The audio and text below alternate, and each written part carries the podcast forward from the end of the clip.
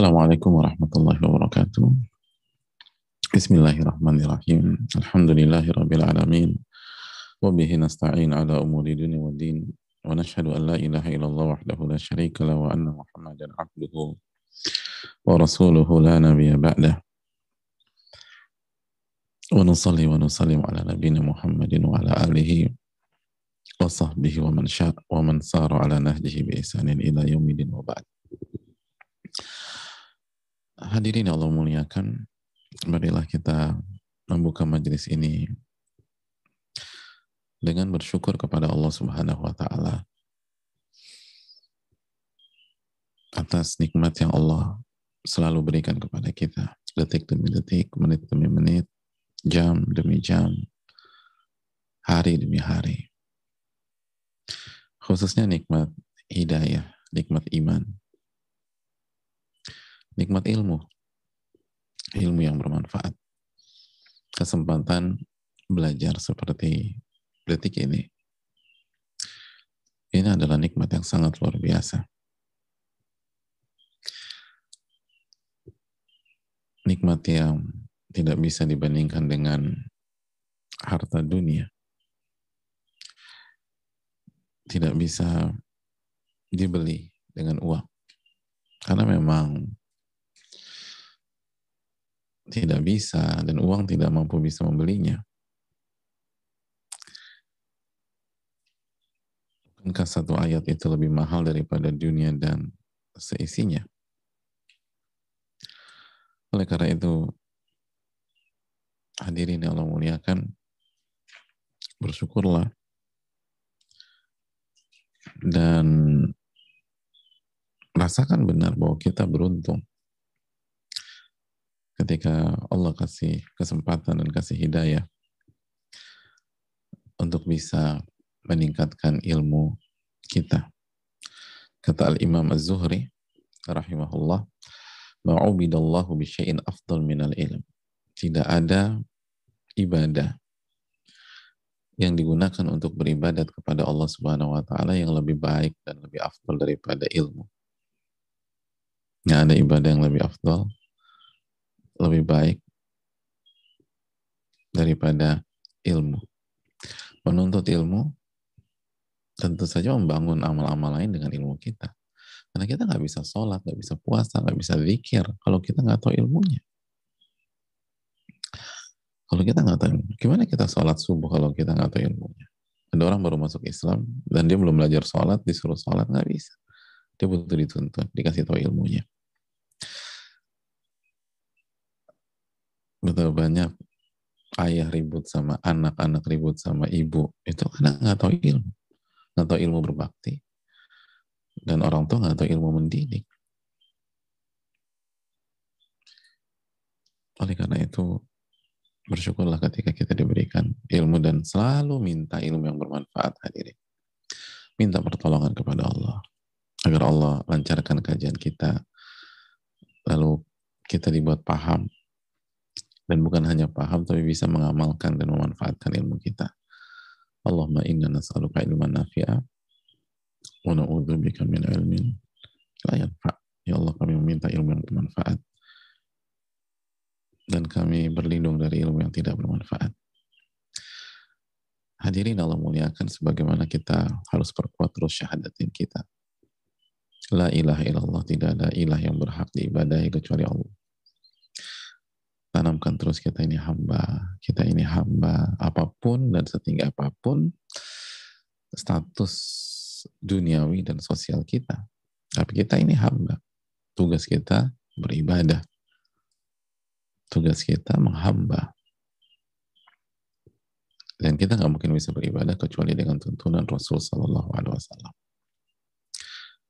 Maka terus pelajari sunnah Nabi dan salah satunya kita belajar dari Solihin Lalu beradablah dengan Nabi kita dengan selalu mengucapkan salawat dan salam kepada beliau alaihi salatu wassalam. Hadirin Allah muliakan kembali bersama Imam Nawawi. Dengan bab mujahadah. Dan kita bersama hadis quds yang sangat agung. Sangat agung.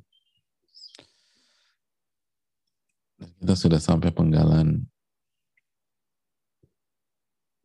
uh, ketiga. Bismillah ta'ala.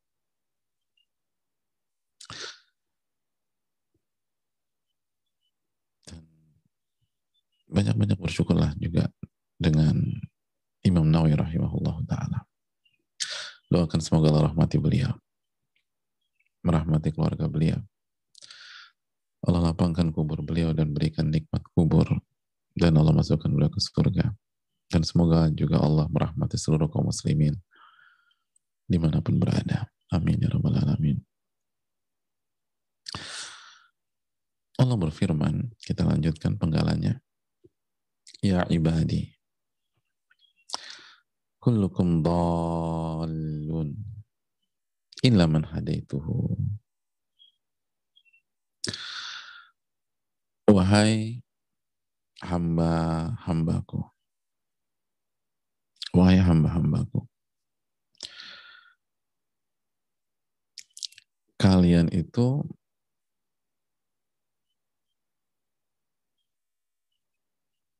sesat Nanti kita jelaskan apa maksud sesat ya. Kalian itu sesat, kecuali yang aku berikan hidayah. Ini kita terjemahkan secara letterlet tekstual. Kullukum dalun. Kalian itu sesat kecuali yang aku berikan hidayah. Maka fastahduni ahdikum. Maka mintalah hidayah kepada diriku niscaya aku akan berikan hidayah kepada kalian. Mintalah hidayah kepada diriku, niscaya aku akan berikan hidayah kepada kalian.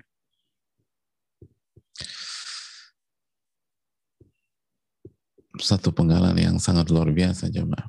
Allah mengatakan sesungguhnya kalian itu dol. Kalian itu sesat kecuali orang yang aku berikan hidayah. Fastahduni ahdikum. Maka mintalah hidayah. Mintalah hidayah. Saya aku akan kasih hidayah kepada kalian. Hadirin Allah ber, berfirman kepada kita semua tentang hal ini. Lalu pertanyaannya apa yang dimaksud sesat di sini jamaah. Apa yang dimaksud dol? Langsung aja dol ya. Biar kita nggak rancu. Dol di sini apa sih maksudnya? Kata para ulama kita ada dua maknanya. Sebagaimana dijelaskan oleh Syekh Salih, Syekh Muhammad bin Salih al-Uthaymin. Maksud dol di sini yang pertama adalah la ya'riful haqqa. La ya'riful haqqa.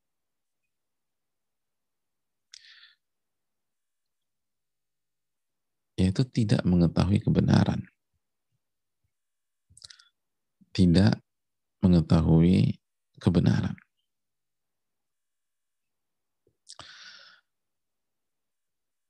Ya nggak tahu. Nggak tahu kebenaran.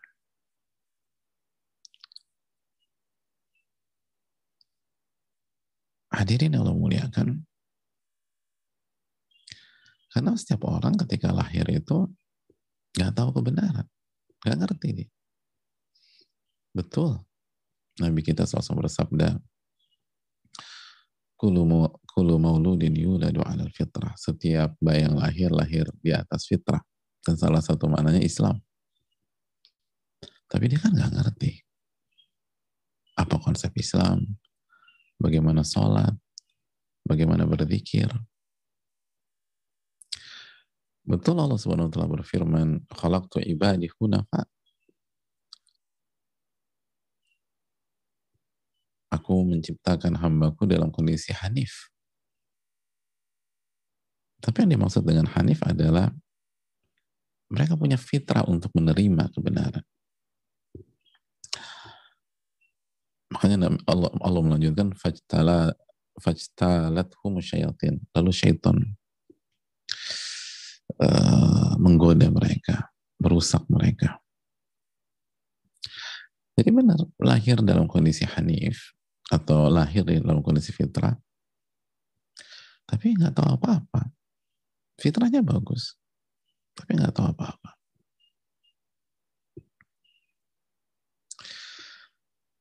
Dan ini yang dikatakan Allah dalam surat An-Nahl ayat 78.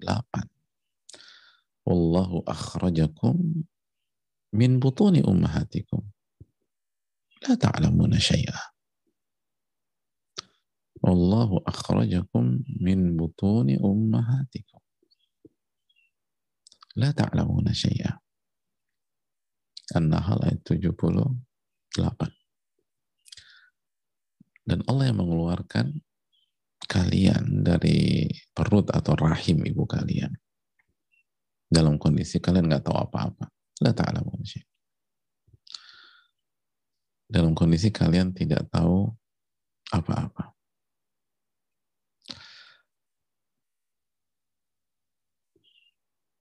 Terus Allah katakan wa ja'ala lakumus sam'a wal absar wal af'ida la'allakum tashkurun. Lalu dan Allah berikan kalian pendengaran, penglihatan, dan hati. Agar kalian bersyukur. Maksudnya walaupun kalian nggak tahu apa-apa, tapi Allah kasih instrumen, Allah kasih uh, alat untuk bisa mengerti, mengetahui, dan mempelajari sesuatu. Karena kita mengerti sesuatu itu dengan pendengaran, dengan mata, dan tentu saja pemutusnya adalah hati. Makanya kan nggak ada bayi lahir langsung ngerti sholat subuh jamaah. Ini bayi lahir jam 3, lalu jam 4 dia sholat subuh. Walaupun belum bisa berdiri, dia sholat tidur. Dia bilang, tenang aja, ayah ibu aku udah ngerti kok. Baik, nggak ada yang tahu apa-apa. Itu yang dimaksud. Oh, semua kalian pada dasarnya nggak tahu apa-apa.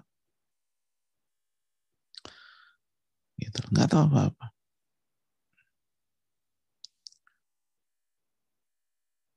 Nggak ada bayi lahir. Semua ketika bayi lahir, pertanyaan apa? Beratnya berapa? Oh, tiga kilo panjangnya berapa? Gak ada kan? Alhamdulillah bayi aku lahir hafalannya tiga juz kan nggak ada bilang atau hafalannya berapa sih? Gue dengar istrinya lahiran tadi malam ya hafalannya berapa? Oh masya Allah lima juz ya? Gak ada. Itu Allah katakan Anda hal 78. Allahu akhrajakum min butuni ummahatikum la ta'lamuna syai'ah. Allah dan Allah yang mengeluarkan kalian dari rahim ibu kalian. La ta'lamuna syai'an. Dalam kondisi kalian nggak tahu apa-apa. Dan Allah jadikan pendengaran, penglihatan hati agar kalian bersyukur.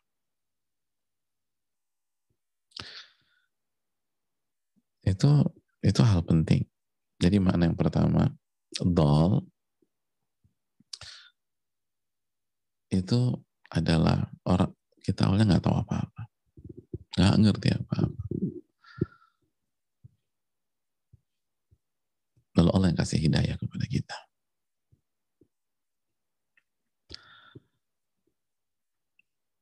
Yang kedua maknanya jamaah, yang kedua makna dal adalah ghawiyan la yaqbalul haqq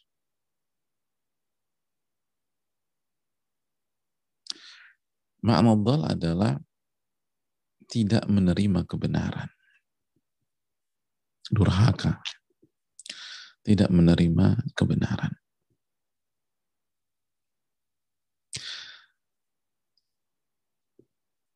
Jadi maknanya adalah kalian itu tidak menerima kebenaran kecuali yang Allah kasih hidayah. Maka mintalah hidayah kepadaku, niscaya aku akan kasih hidayah.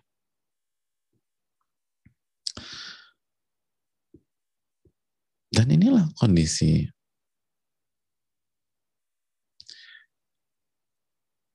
manusia aja mas kalian Yang tidak Allah kasih hidayah la ya'riful haq. Atau kondisi yang pertama dia nggak tahu kebenaran. Dan yang kedua dia menolak kebenaran. Dia menolak kebenaran. Dia menolak kebenaran. Makanya di antara dalilnya kan dalam surat Fussilat ayat 17 wa amma thamudu fahadainahum fastahabbul ama alal huda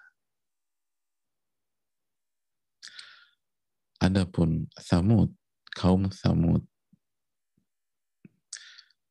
kami udah kasih petunjuk, udah kasih hidayah. Maksudnya sudah dipaparkan kebenaran. Tapi mereka lebih memilih buta daripada petunjuk, daripada hidayah. Maksudnya mereka lebih memilih kesesatan, mereka tolak itu hidayah. Mereka tolak itu ibadah. Fa'akhadathum fa'akhadathum Lalu Allah buat mereka disambar petir adab.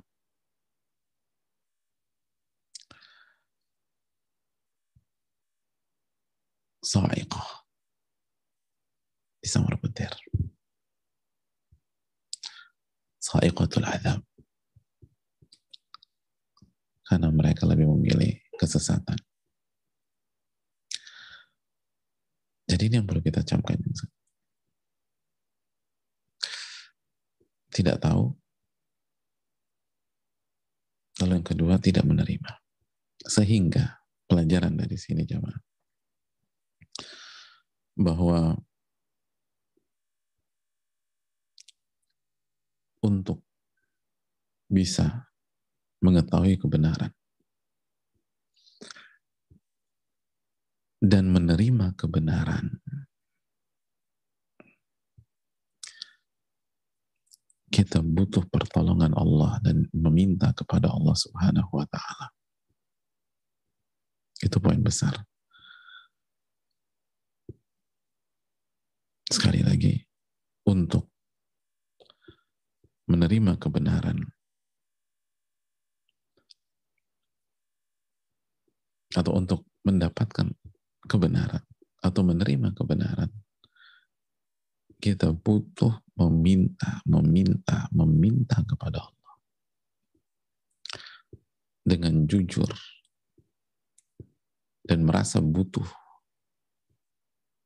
Dan terus ilhah mengemis, mengemis, mengemis, mengemis terus sama Allah. Itulah kata Allah, fastahduni ahdikum mintalah kepadaku hidayah. Niscaya akan kasih.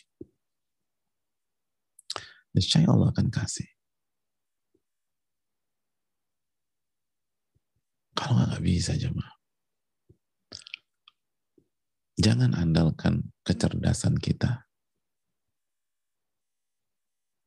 Jangan hanya mengandalkan kemampuan kita Jangan hanya mengandalkan akses kita. Karena yang punya hidayah itu yang menyatakan subhanahu wa ta'ala kullukum dal illa man hadaitu. Semua kalian dal kecuali yang aku kasih hidayah. Maka minta hidayah kepadaku. Maka orang yang dapat hidayah adalah orang yang yang paling rajin atau yang sangat rajin dan rajin meminta-meminta kepada Allah. Dengan kejujuran. Bisa dekin harus jujur. Saya pengen hidayah. Bukan yang enak aja. Yang sesuai dengan hawa nafsu kita. Orang ini nggak akan dapat hidayah. Kalaupun dia tahu kebenaran, dia nggak akan terima kebenaran. Karena harus ada dua loh. Menerima, mempelajari, mendapatkan kebenaran, dan menerima kebenaran. Mengetahui kebenaran, dan menerima kebenaran. Bukan hanya sekedar tahu, kalau hanya sekedar tahu seperti kaum Thamud. Tadi dalam surat Fussilat 17, wa amma Thamudu fahadainahum. Adapun kaum Thamud, kita udah kasih itu kebenaran. Kita udah kasih, kita udah ajarin. Kita udah kasih petunjuk. Dia, mereka udah tahu. Fastahabbul ama alal huda. Mereka yang memilih buta daripada hidayah. Dan bukankah musuh-musuh para nabi sepanjang sejarah dalam Al-Quran seperti ini? Fir'aun bukankah sudah didakwakan oleh Nabi Musa alaihissalam?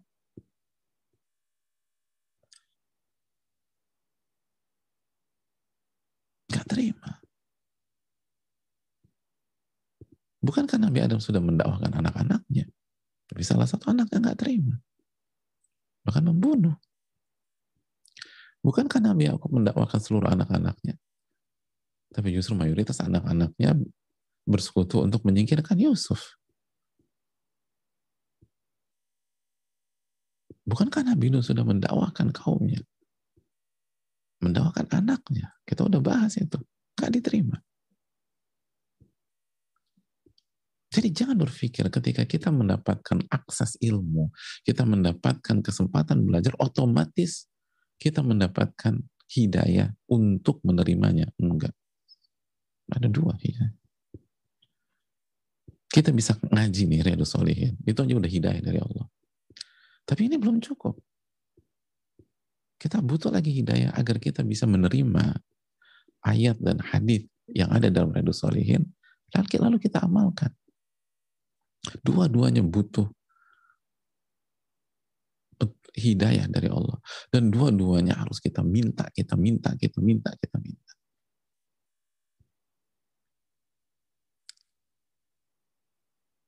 Yang pertama untuk mengetahui kebenaran. Tapi kan aku belajar kebenaran dari seorang ustadz, seorang kiai, seorang guru, betul. Tapi bayangin gak sih, perjalanan kita dapat dapat akses kebenaran, dapat akses ilmu itu kan benar-benar taufik dan hidayah dari Allah Subhanahu wa taala. Kenapa kita? Kenapa kita? Padahal ada banyak orang.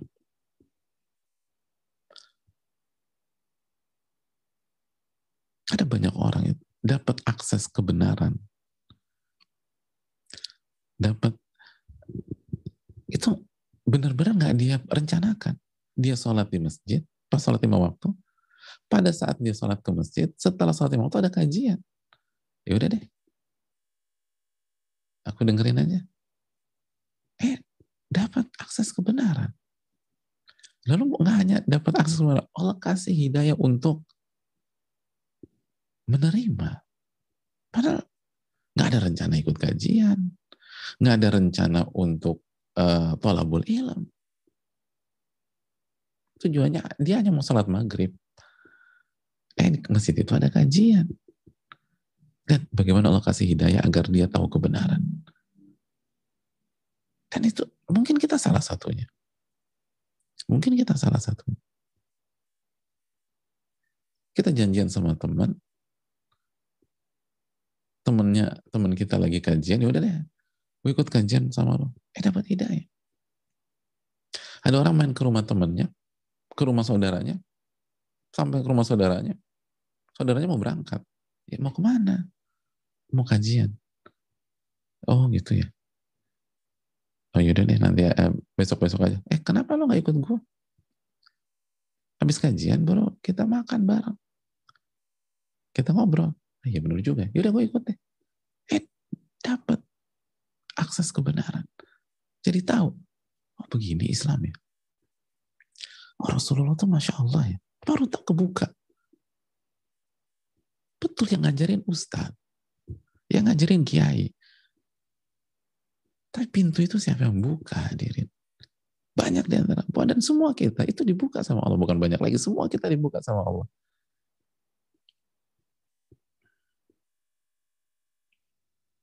Ada banyak ustadz atau kiai kita itu dapat dapat kebenaran, mengetahui kebenaran karena orang tuanya masukkan mereka beliau-beliau tersebut ke pondok dari kecil. Bukan karena keinginannya ingin masuk pondok. Enggak. Orang tuanya masukin ke pondok. Bilang sama Pak Kiai, Pak Kiai tolong didik anak saya. Didik. Dengan izin Allah, taufik Allah, jadi. Jadi ngerti kebenaran, ngerti bahasa Arab, bisa baca kitab, lalu menerima dan mengamalkan, bukan mengamalkan, mendakwahkan Keinginan sendiri? Enggak. Enggak. Subhanallah. Allah yang bukain itu. Dan itu nggak boleh kita lupa. Mentang-mentang kita cerdas. Mentang-mentang kita pintar. Mentang-mentang, oh, Allah cabut lagi nanti.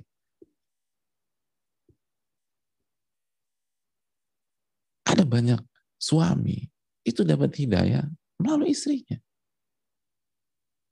Bukan karena semangat dia belajar, pemimpin sejati, mengamalkan surat Al-Tarim ayat 6 ku anfusakum ahlikum nar. Oh enggak cuma tidur apa namanya santai lalu dulu hangout segala macam. Istrinya ngaji dapat ini diajak sama istrinya juga diajak temannya. Eh lo kajian di rumah gua. Datang istrinya. Eh bagus nih masya Allah. Oh ternyata ini jalan hidup. Ajak suaminya ada kajian uh, weekend ini ada kajian apa namanya pasutri pasal suami istri kita kita diminta ngajak suami kita kamu datang ya beb kamu datang ya ya ya ya, ya datang datang pas datang oh gini cocok sama ustadznya alhamdulillah cocok ustadznya kasih dengan hikmah ngerti kebenaran Lalu setelah itu Allah buka untuk menerima kebenaran. Itu proses lagi sering kali. Karena kan kita masih mikir dulu. Oh gitu ya. Tapi menerima belum atau menerima yang enak-enak kayak dulu. Nah ini aneh suka nih kayak begini nih Ustadz. Kenapa hobinya didukung? Walaupun hobinya memang halal, nggak masalah. Ah ini oke nih. Gue suka nih sama ini. Karena yang dikerjain ternyata halal. Seneng dia. Tapi yang yang apa yang nggak sesuai dengan hawa dia belum bisa terima. Tapi bertahap, bertahap. Baru saat Allah buka pintu hatinya untuk menerima kebenaran. Itu banyak, banyak banget Subhanallah. Banyak banget. Banyak banget. Dan sebaliknya belum tentu. Orang yang mendapatkan akses kebenaran, Allah kasih hidayah untuk menerima kebenaran belum tentu. Dan banyak yang butuh waktu.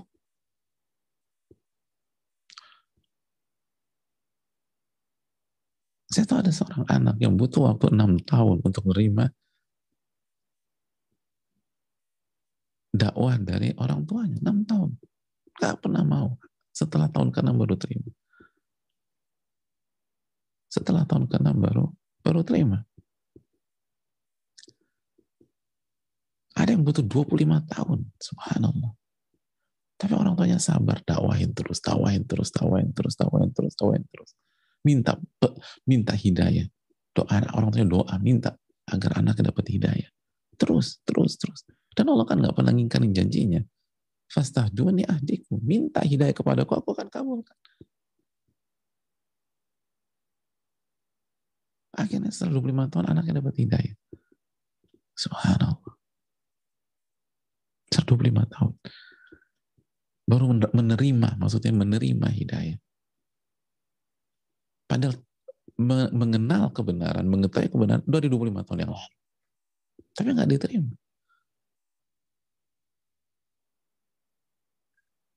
Dan kasus ini banyak, banyak. Saya tahu seseorang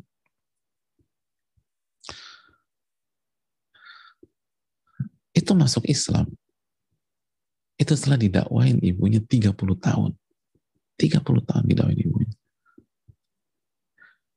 Dan subhanallah, beliau masuk Islam setelah satu tahun dari ibunya wafat. Setelah satu tahun dari wafatnya ibunya. Jadi ibunya meninggal, dia belum dapat hidayah. Dia belum terima gitu. Tahu, tahu, 30 tahun didakwahin. Tahu. Tapi dia nggak terima. Ibunya wafat. Rahimahullah. Ketika beliau masuk Islam, beliau sampaikan bahwa yang paling berjasa setelah Allah Subhanahu wa taala beliau masuk Islam ibunya. Dan subhanallah, Allah bukakan pintu hati saya setelah ibu saya wafat. Jadi dakwahan, nasihat, wejangan ibu selama 30 tahun itu begitu ibunya wafat semua masuk masuk ke dalam hatinya Allah buka tuh pintu hati Baru terus terngiang-ngiang, terngiang-ngiang, terngiang-ngiang. Allah buka pintu hatinya. Lalu masuk Islam. Subhanallah. Emang nggak ada yang sia-sia. Fastajaba lahum rabbuhum anni la udi'u amala amali. Ama anni la udi'u amala amilin minkum min dzakarin aw Allah ijabah doanya. Dan Allah katakan, aku nggak pernah menyanyiakan amalan dari orang yang beramal dari laki-laki dan wanita. Akhir-akhir surat Al-Imran. Hadirin Allah muliakan.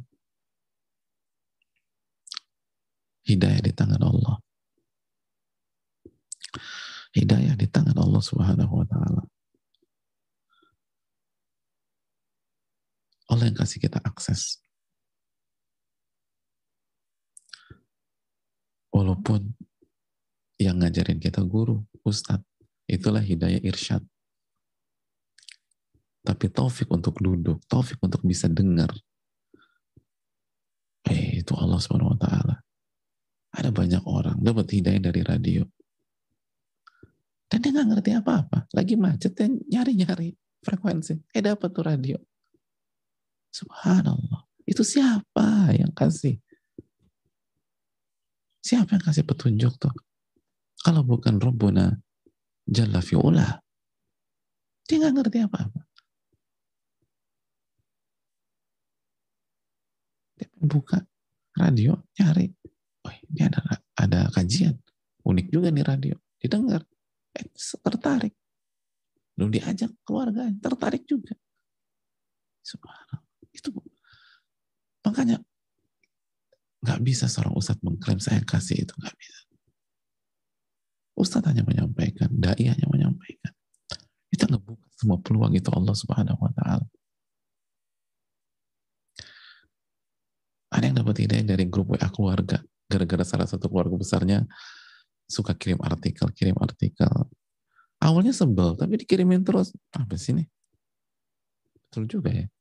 Atau misal pas artikelnya jelek sesuai dengan masalah dia pada saat itu. Bahkan padahal saudara udah kasih dari dua tahun yang lalu, nggak pernah dibaca tuh, grup keluarga. Khusus untuk artikel nggak pernah dibaca. Yang seru-seruan, yang apa namanya yang nggak jelas di, di, di komentar itu. Oh iya benar juga. Itu siapa yang kasih akses itu? Sehingga kita bisa mengerti, mengetahui kebenaran. Lalu siapa membukakan pintu hati kita sehingga kita bisa menerima? Karena ini dua kotak. Dua kotak yang berbeda, tapi sama-sama butuh hidayah dari Allah. Tapi banyak deh. Kita kalau ngelihat, bahkan coba renungkan lagi perjalanan hidayah kita atau perjalanan kita hijrah. Emang kita yang kredit gitu? Enggak. Ada teman kasih misalnya video kajian, kita nggak kenal sama ustadz tersebut, sama sekali nggak kenal. Teman kita kirim. Eh lo dengerin deh nih. Ini sesuai dengan masa lalu. Dengerin. Iya benar nih. Subhanallah. Itu siapa yang kirim? Kalau bukan petunjuk dari Allah Subhanahu wa taala, bukan kita. Bukan kita.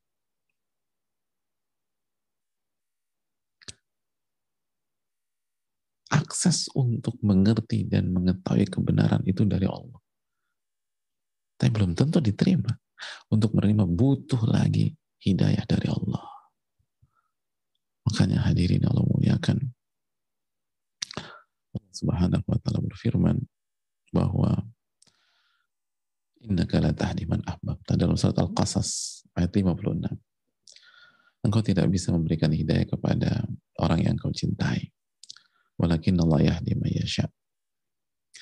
Al-Qasas ayat 56. Engkau atau sesungguhnya engkau tidak bisa memberikan hidayah kepada orang yang kau inginkan. Tapi Allah yang memberikan hidayah kepada orang yang Allah pilih. Allah kendaki. Wa huwa a'lamu bil muhtadin. Dan Allah yang paling tahu siapa orang yang pantas menerima hidayah. Allahu Akbar. Coba kita renungkan. Ini ini ayat untuk Nabi SAW.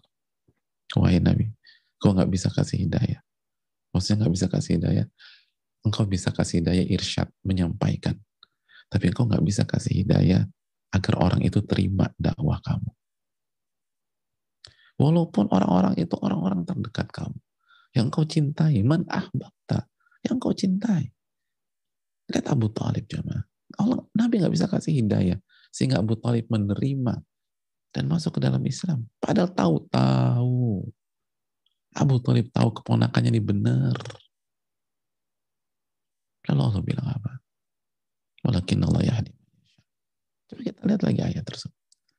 Tapi Allah yang kasih hidayah kepada orang yang Allah kehendaki, Allah pilih. Diri kita jemaah sekalian. Ketika detik ini kita berada dalam hidayah, Anda dipilih oleh Allah Subhanahu wa taala. Anda dikehendaki oleh Allah Subhanahu wa taala. Wa huwa a'lamu bil muhtadin. Allah lebih tahu siapa yang pantas dapat hidayah. Allah pilih kita lalu kita sia-siakan. Jangan seperti kaum tamu yang lebih memilih buta padahal Allah udah kasih. Allahu Akbar. Renungkan. Kita yang hina. Kita yang kerdil. Kita yang bodoh. Kita yang banyak dosa dulu. Kita nggak bisa apa-apa. Bahkan nggak pernah baca Quran. Nggak bisa baca Quran. Lalu Rabbuna Jalla wa'ala. Rabbul Alamin. Rabbnya alam semesta. Yang punya surga dan neraka. Memilih kita. Mana rasa syukur kita kepada Allah? Mana rasa haru kita jamaah? Mana mana rasa kita sebagai orang yang beruntung? Berapa beruntung? Bukan kalau kita pakai hitung-hitung matematika ada banyak orang lebih pantas dapat. Tapi kenapa kita? Wahu a'lamu bil muhtadin. Allah lebih tahu siapa yang pantas mendapatkan hidayah. Maka minta terus hidayah, minta terus hidayah, minta hidayah. Minta Allah pertahankan hidayah di dalam hati kita. Bukan berhenti. Tapi harus lebih lagi. Harus lebih ilha, harus lebih minta, minta, tolong jangan dicabut. Ini nikmat luar biasa. Dan rendahkan diri kita, miftikar, jujur sama Allah. Minta hidayah jamaah sekalian. Dan hadirin Allah muliakan. Makanya setiap hari Allah perintahkan kita membaca ihdinas siratal mustaqim. Ya Allah berikanlah kami hidayah agar kami bisa berada di jalan yang lurus. Dan kalau sudah berada di jalan lurus, apakah kita skip ayat ini? Setelah kita tahu ilmu, kita berusaha berubah dan seterusnya, kita lewatkan ayat ini dalam sholat kita? Enggak. Begitu ayat ini kita lewatkan, kita skip sholat kita nggak sah. La sholat aliman lam yaqra' bi fatihatil kitab, kata Nabi SAW. Tidak ada sholat yang sah jika tidak membaca surat Al-Fatihah. Dan ini bagian surat Al-Fatihah. Ketika kita dapat hidayah, tetap kita baca di surat. Ih, di siratal mustaqim. Tunjukilah kami jalan yang lurus. Pertama, hidayah. Agar kami bisa berada di jalan yang lurus. Jalan orang yang Allah berikan nikmat. Lihat jalan hidayah itu jalan orang yang Allah berikan nikmat. Dan dia masih ingat siapa mereka? Nabiin, wasiddiqin, wasyuhada, wasalihin. Para nabi. Orang-orang yang jujur, sindikin, dan yang membenarkan seluruh apa yang Allah sampaikan. Dan yang ketiga, para syuhada, yang rela korbankan semuanya sampai nyawa mereka korbankan lalu orang-orang soleh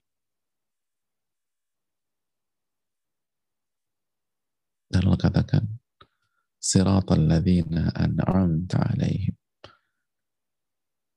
mereka lah orang yang Allah berikan kenikmatan dan mereka di sini ditafsirkan oleh Allah langsung dalam surat An-Nisa 69 para nabi, siddiqin, orang-orang yang jujur dan selalu membenarkan apa yang sampaikan dan Rasul sampaikan. Lalu para syuhada dan orang-orang soleh. Itulah orang yang Allah berikan nikmat di dunia dan di akhirat. Lihat, baca. Orang-orang yang Allah arungerai kenikmatan.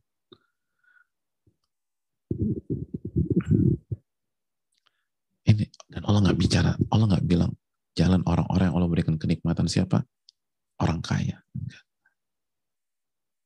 Orang yang tampan, wanita cantik. Enggak. Enggak. Kekayaan bukan kenikmatan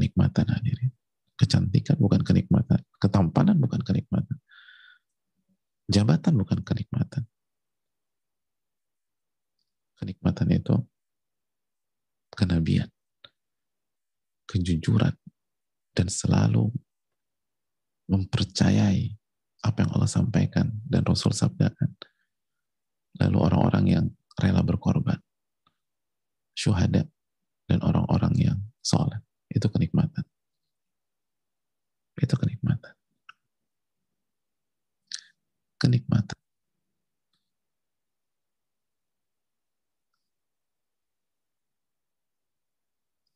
Kalau ingin nik, ingin punya hidup yang nikmat, bergabung dengan mereka. Adapun harta itu ujian, jamaah. Jabatan ujian. Bukan kenikmatan. Kenikmatan adalah kenabian, kejujuran, dan selalu menerima, selalu percaya, lalu selalu berusaha berkorban demi kebenaran, lalu kesolehan. Orang soleh itu nikmat walaupun nggak punya uang. Makanya lucu orang yang nyinyirin orang soleh. Kasihan banget hidupnya ya. Itu gara-gara hijrah tuh. Aduh, anda nggak pernah ngerasain apa yang dirasakan dia dia nggak curcol aja kalau kesolehan nggak nikmat nggak mungkin Bilal bertahan nggak mungkin Sumaya bertahan di tengah siksaan orang-orang Quraisy mereka merasakan kenikmatan yang nggak pernah kita rasakan hadirin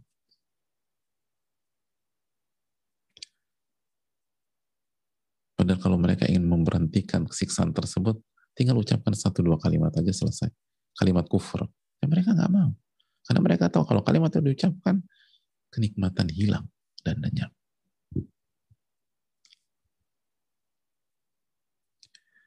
Oleh karena itu, hari kalau kita ingin hidayah, selalu doa, selalu doa, selalu doa. Fastah duni. Mintalah hidayah kepada aku. Ahdiku Allah akan kasih hidayah dan resapi doa ini ketika sholat. Jangan hanya selewat. Jangan hanya selewat. Jangan hanya formalitas.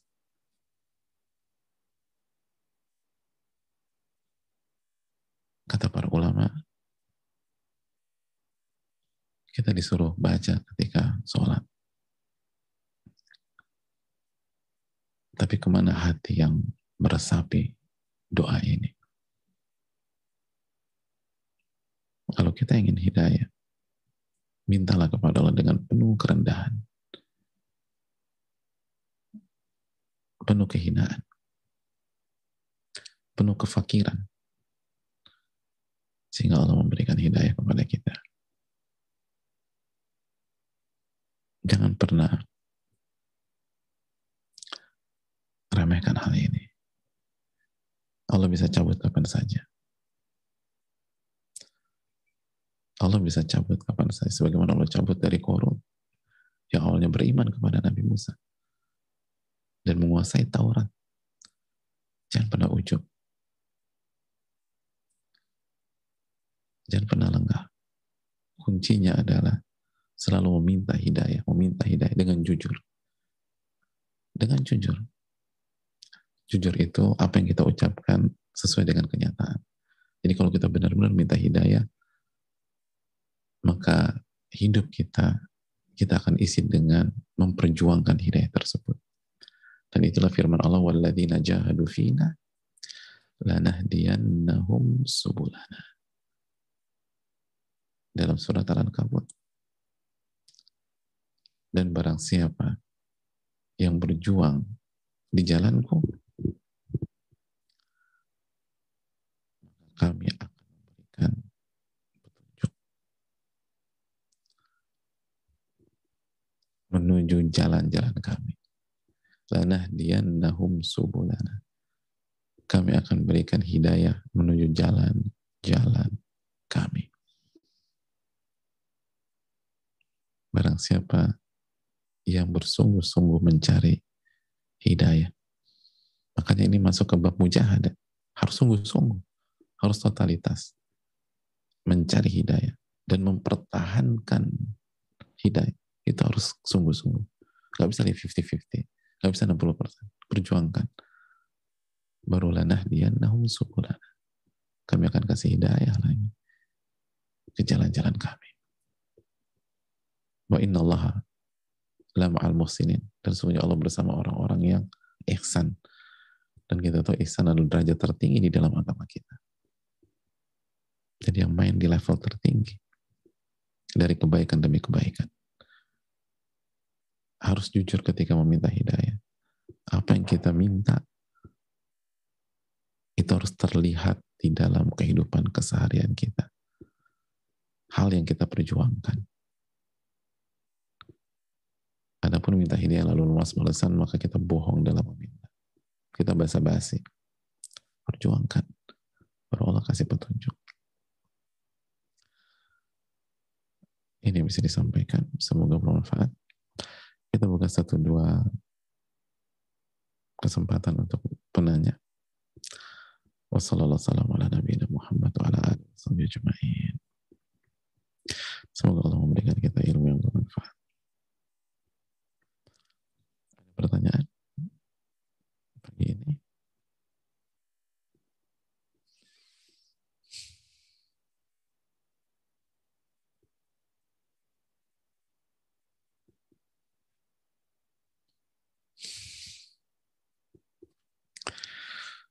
Assalamualaikum warahmatullahi wabarakatuh. Waalaikumsalam warahmatullahi wabarakatuh. Semoga Ustaz selalu dalam penjagaan Allah. Semoga Allah SWT memberikan rahmat makfirnya kepada Ustaz dan kaum muslimin di seluruh dunia. Amin ya rabbal alamin. Begitu juga dengan yang bertanya. Waalaikumsalam warahmatullahi wabarakatuh. Ustaz, bagaimana dengan seorang yang sudah tahu terkait ilmu namun tetap dilanggar? Apakah dosanya lebih besar dari orang yang tidak mengetahui ilmunya? Dan jika bertobat, bagaimana tanda bahwa tobatnya diterima? Karena yang bersangkutan masih terus bersedih dan yang bersangkutan sulit membedakan apakah sedih karena melakukan dosa itu atau sedih karena kehilangan orang yang dengannya melakukan dosa itu. Hmm, maksudnya jazakallah khairan. Kehilangan orang yang dengannya melakukan dosa. Ya, terima kasih atas pertanyaannya. Uh, jelas keterangan para ulama kita. Keterangan para ulama kita bahwa uh, kesalahan atau dosa yang dilakukan orang yang sudah tahu itu lebih berat resikonya dan uh, ancamannya dibanding dengan orang yang tidak tahu dibanding orang yang tidak tahu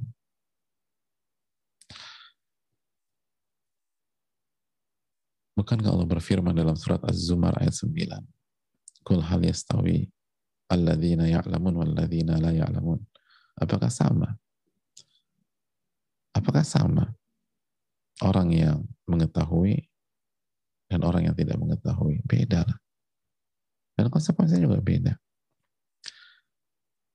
Dan dalam kehidupan duniawi aja dalam dunia dalam kehidupan sosial ya kita akan kita akan membedakan kesalahan pegawai kita bawahan kita anak kita atau istri kita ketika mereka tahu ketika mereka sudah tahu sudah kita kasih tahu dengan mereka belum tahu beda itu kaidah yang diterima oleh seluruh orang. Bahkan tanpa dalil pun kita terima kaidah tersebut. Itu sesuai dengan fitrah dan tabiat kita. Beda.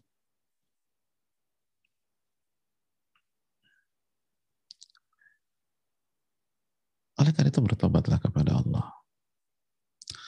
Nah, apa ciri-ciri tobat diterima? Setelah tobat, kehidupannya akan menjadi lebih baik. ibadahnya akan lebih kuat. Levelnya akan semakin naik. Karena al-hasanatu tunadi ukhtaha kata para ulama. Amal soleh itu akan mengundang teman-temannya dan taubat adalah amal soleh. Allah taala alam bisawab. Dan coba dia jujur, bisa kok dibedakan asal kita jujur kepada Allah Subhanahu wa taala. Assalamualaikum warahmatullahi wabarakatuh. Waalaikumsalam warahmatullahi wabarakatuh. Barakallahu fikum, fikum barakallah. Semoga Ustadz dan kita semua umat Islam selalu dijaga oleh dalam kebaikan. Amin. Ya Begitu juga yang bertanya. Dan semoga Allah jaga umat Islam. Izin bertanya Ustadz, perjuangan melawan diri sendiri untuk tidak marah ketika merasa dilecehkan oleh orang-orang terdekat. Saya merasakan sangat berat. Mohon nasihatnya apa yang harus saya lakukan ya Ustadz. Terima kasih atas pertanyaan. Sama kok. Ini bukan hanya dialami oleh penanya yang dialami oleh kita semua. Caranya adalah bersungguh-sungguh dalam menghadapi hal tersebut. Lalu minta pertolongan kepada Allah Subhanahu wa taala. Minta pertolongan kepada Allah Subhanahu wa taala. Dan yang perlu kita ingat juga jemaah sekalian bahwa hanya orang-orang kerdil, hanya orang-orang yang punya value yang rendah yang melecehkan saudaranya atau yang melecehkan orang lain. Dan orang dan orang-orang seperti itu pada dasarnya tidak kita respon. Walaysa kullu yujab. Kata sebagian ulama, nggak semua hal kita respon. Nggak semua hal itu kita kita jawab.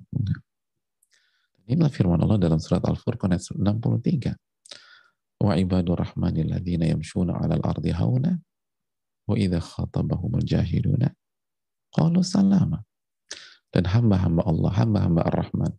Kalau kita merasa hamba Allah, ayat, simak ayat ini. Kalau kita merasa hamba Allah, simak ayat ini.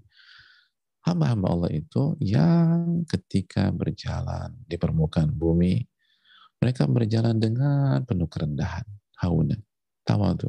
Jalannya tuh nggak angkuh. Tawadu gitu. Tapi bukan kelemar-kelemar juga. Tawadu. Jalannya tuh merendah. Lalu wa idha khatabahumul jahilun dan ketika orang-orang yang bersikap bodoh dan salah satu sikap bodoh itu melecehkan itu berbicara kepada mereka qalu salama. Mereka respon dengan salam. Mereka respon dengan baik. Mereka respon dengan uh, kalimat yang baik. Nggak terpancing, nggak terprovok, dan tidak ditanggapi. Tidak ditanggapi. Karena uh, itu nggak berharga. Sesuatu yang tidak berharga jangan kita hargai. Ada daun-daun berguguran di pekarangan atau depan pekarangan orang. Jangan kita beli itu daun. Jangan kalau kalau butuh ini ambil aja udah. Itu di luar, nggak usah dibeli. Nggak ada harganya itu. Sesuatu yang nggak berharga jangan dihargai. Dan hukum asalnya hal yang melecehkan segala macam itu nggak kita tanggapi. Dan Allah juga berfirman dalam surat Al-A'raf 199, Al-A'raf 199, khudil afwa wa'mur bil urfi anil jahilin. Maafkan dan tetap mengajak kepada kebaikan dan berpalinglah dari sikap-sikap bodoh atau berpalinglah dari orang-orang bodoh. Maksud orang-orang bodoh di sini adalah orang-orang yang bersikap bodoh. Wa'arid, ini perintah, berpaling, jangan direspon. Berpaling karena seorang muslim itu tinggi value-nya. Al islamu ya'lu wa la yu'la. Islam itu tinggi dan tidak ada yang lebih tinggi dari Islam. Dan sesuatu yang tinggi itu tidak merespon yang di bawah nggak merespon di bawah nggak direspon kalau kita uh, kalau kita punya tim sepak bola di komplek kita, lalu ingin mengundang juara Liga Champion untuk bertanding di komplek kita, kira-kira direspon nggak? Gak direspon. Gak direspon. Kita punya tim komplek, undang juara Liga Champion. Direspon enggak? Kan level beda. Level beda. Dia direspon. Jadi bukan bukan dikalahkan, direspon aja salah. Karena kalau kalau kita respon, berarti akhirnya nanti akan dibandingkan. Ada sebuah sebuah sebuah bait hikmah yang menarik kata para ulama kita alam taro anna sayfa yankusu qadruhu idza qila inna sayfa amdam minal asa. Tidakkah engkau perhatikan engkau mengerti bahwa pedang akan jatuh pamornya akan jatuh value-nya akan jatuh nilainya jika ada yang membandingkan pedang dengan tongkat kayu dan mengatakan pedang lebih tajam dari tongkat. Itu itu bukan mengangkat pedang, itu menghina pedang, kata para ulama. Ya nggak bisa dibandingin lah, pedang dengan tongkat kayu. Kalau membandingkan tuh pedang sama golok gitu loh. Kalau membandingkan tuh pedang dengan uh, tombak, itu mungkin masih bisa. Lo pedang dengan kayu gimana membandingkannya? Itu penghinaan. Ya sama, kita punya uh, apa? Kita punya uh, atau kita anak uh, mahasiswa matematik semester 8 dan IPK kita misalnya 3,9 lalu teman kita dengan nyelutupnya kita mahasiswa matematik ya kata teman. Lo jago juga matematik ya? Ternyata lo lebih jago dari keponakan gue yang kelas 1 SMA eh, lebih jago daripada keponakan gue yang kelas 1 SD itu hinaan atau pujian ya lo lebih jago daripada keponakan gue yang kelas 1 SD gue kagum sama lo kira-kira kita kalau sebagai mahasiswa itu terharu biru ya Allah ternyata aku diakui ya atau kita nggak nyaman karena ini sarkasme jadi sekali lagi orang-orang itu jangan ditanggepin. Kalau ditanggepin kita masuk kotak dan itu menjatuhkan value kita. Menjatuhkan value kita. Sesuatu hal orang-orang yang bersikap bodoh atau melecehkan sesuatu jangan ditanggepin. Karena kalau kita masuk akhirnya kan versus A versus B. Gitu. Kita versus dia. Diversuskan saja itu sudah menjatuhkan. Kita belum bicara menang siapa yang menang siapa yang kalah diversuskan saja itu sudah menjatuhkan kita. Apalagi kalau masuk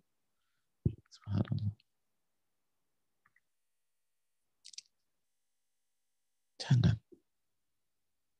Dan ingat ini ujian kesabaran. Ingat sama Allah deh. Allah bidzikrillahi tatmainul qulub. Ketahuilah dengan berzikir hati jadi tenang. Jangan ditanggapi. Dan doakan. Saya rasa cukup sampai di sini. Terima kasih banyak. Semoga bermanfaat. Dan selalu minta hidayah jamaah.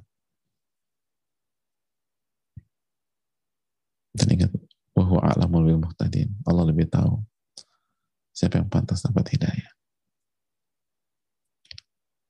Maka pertahankan. Dan yang merasa masih kurang, minta, minta, dan minta. Allah yang janjikan, Allah akan kasih.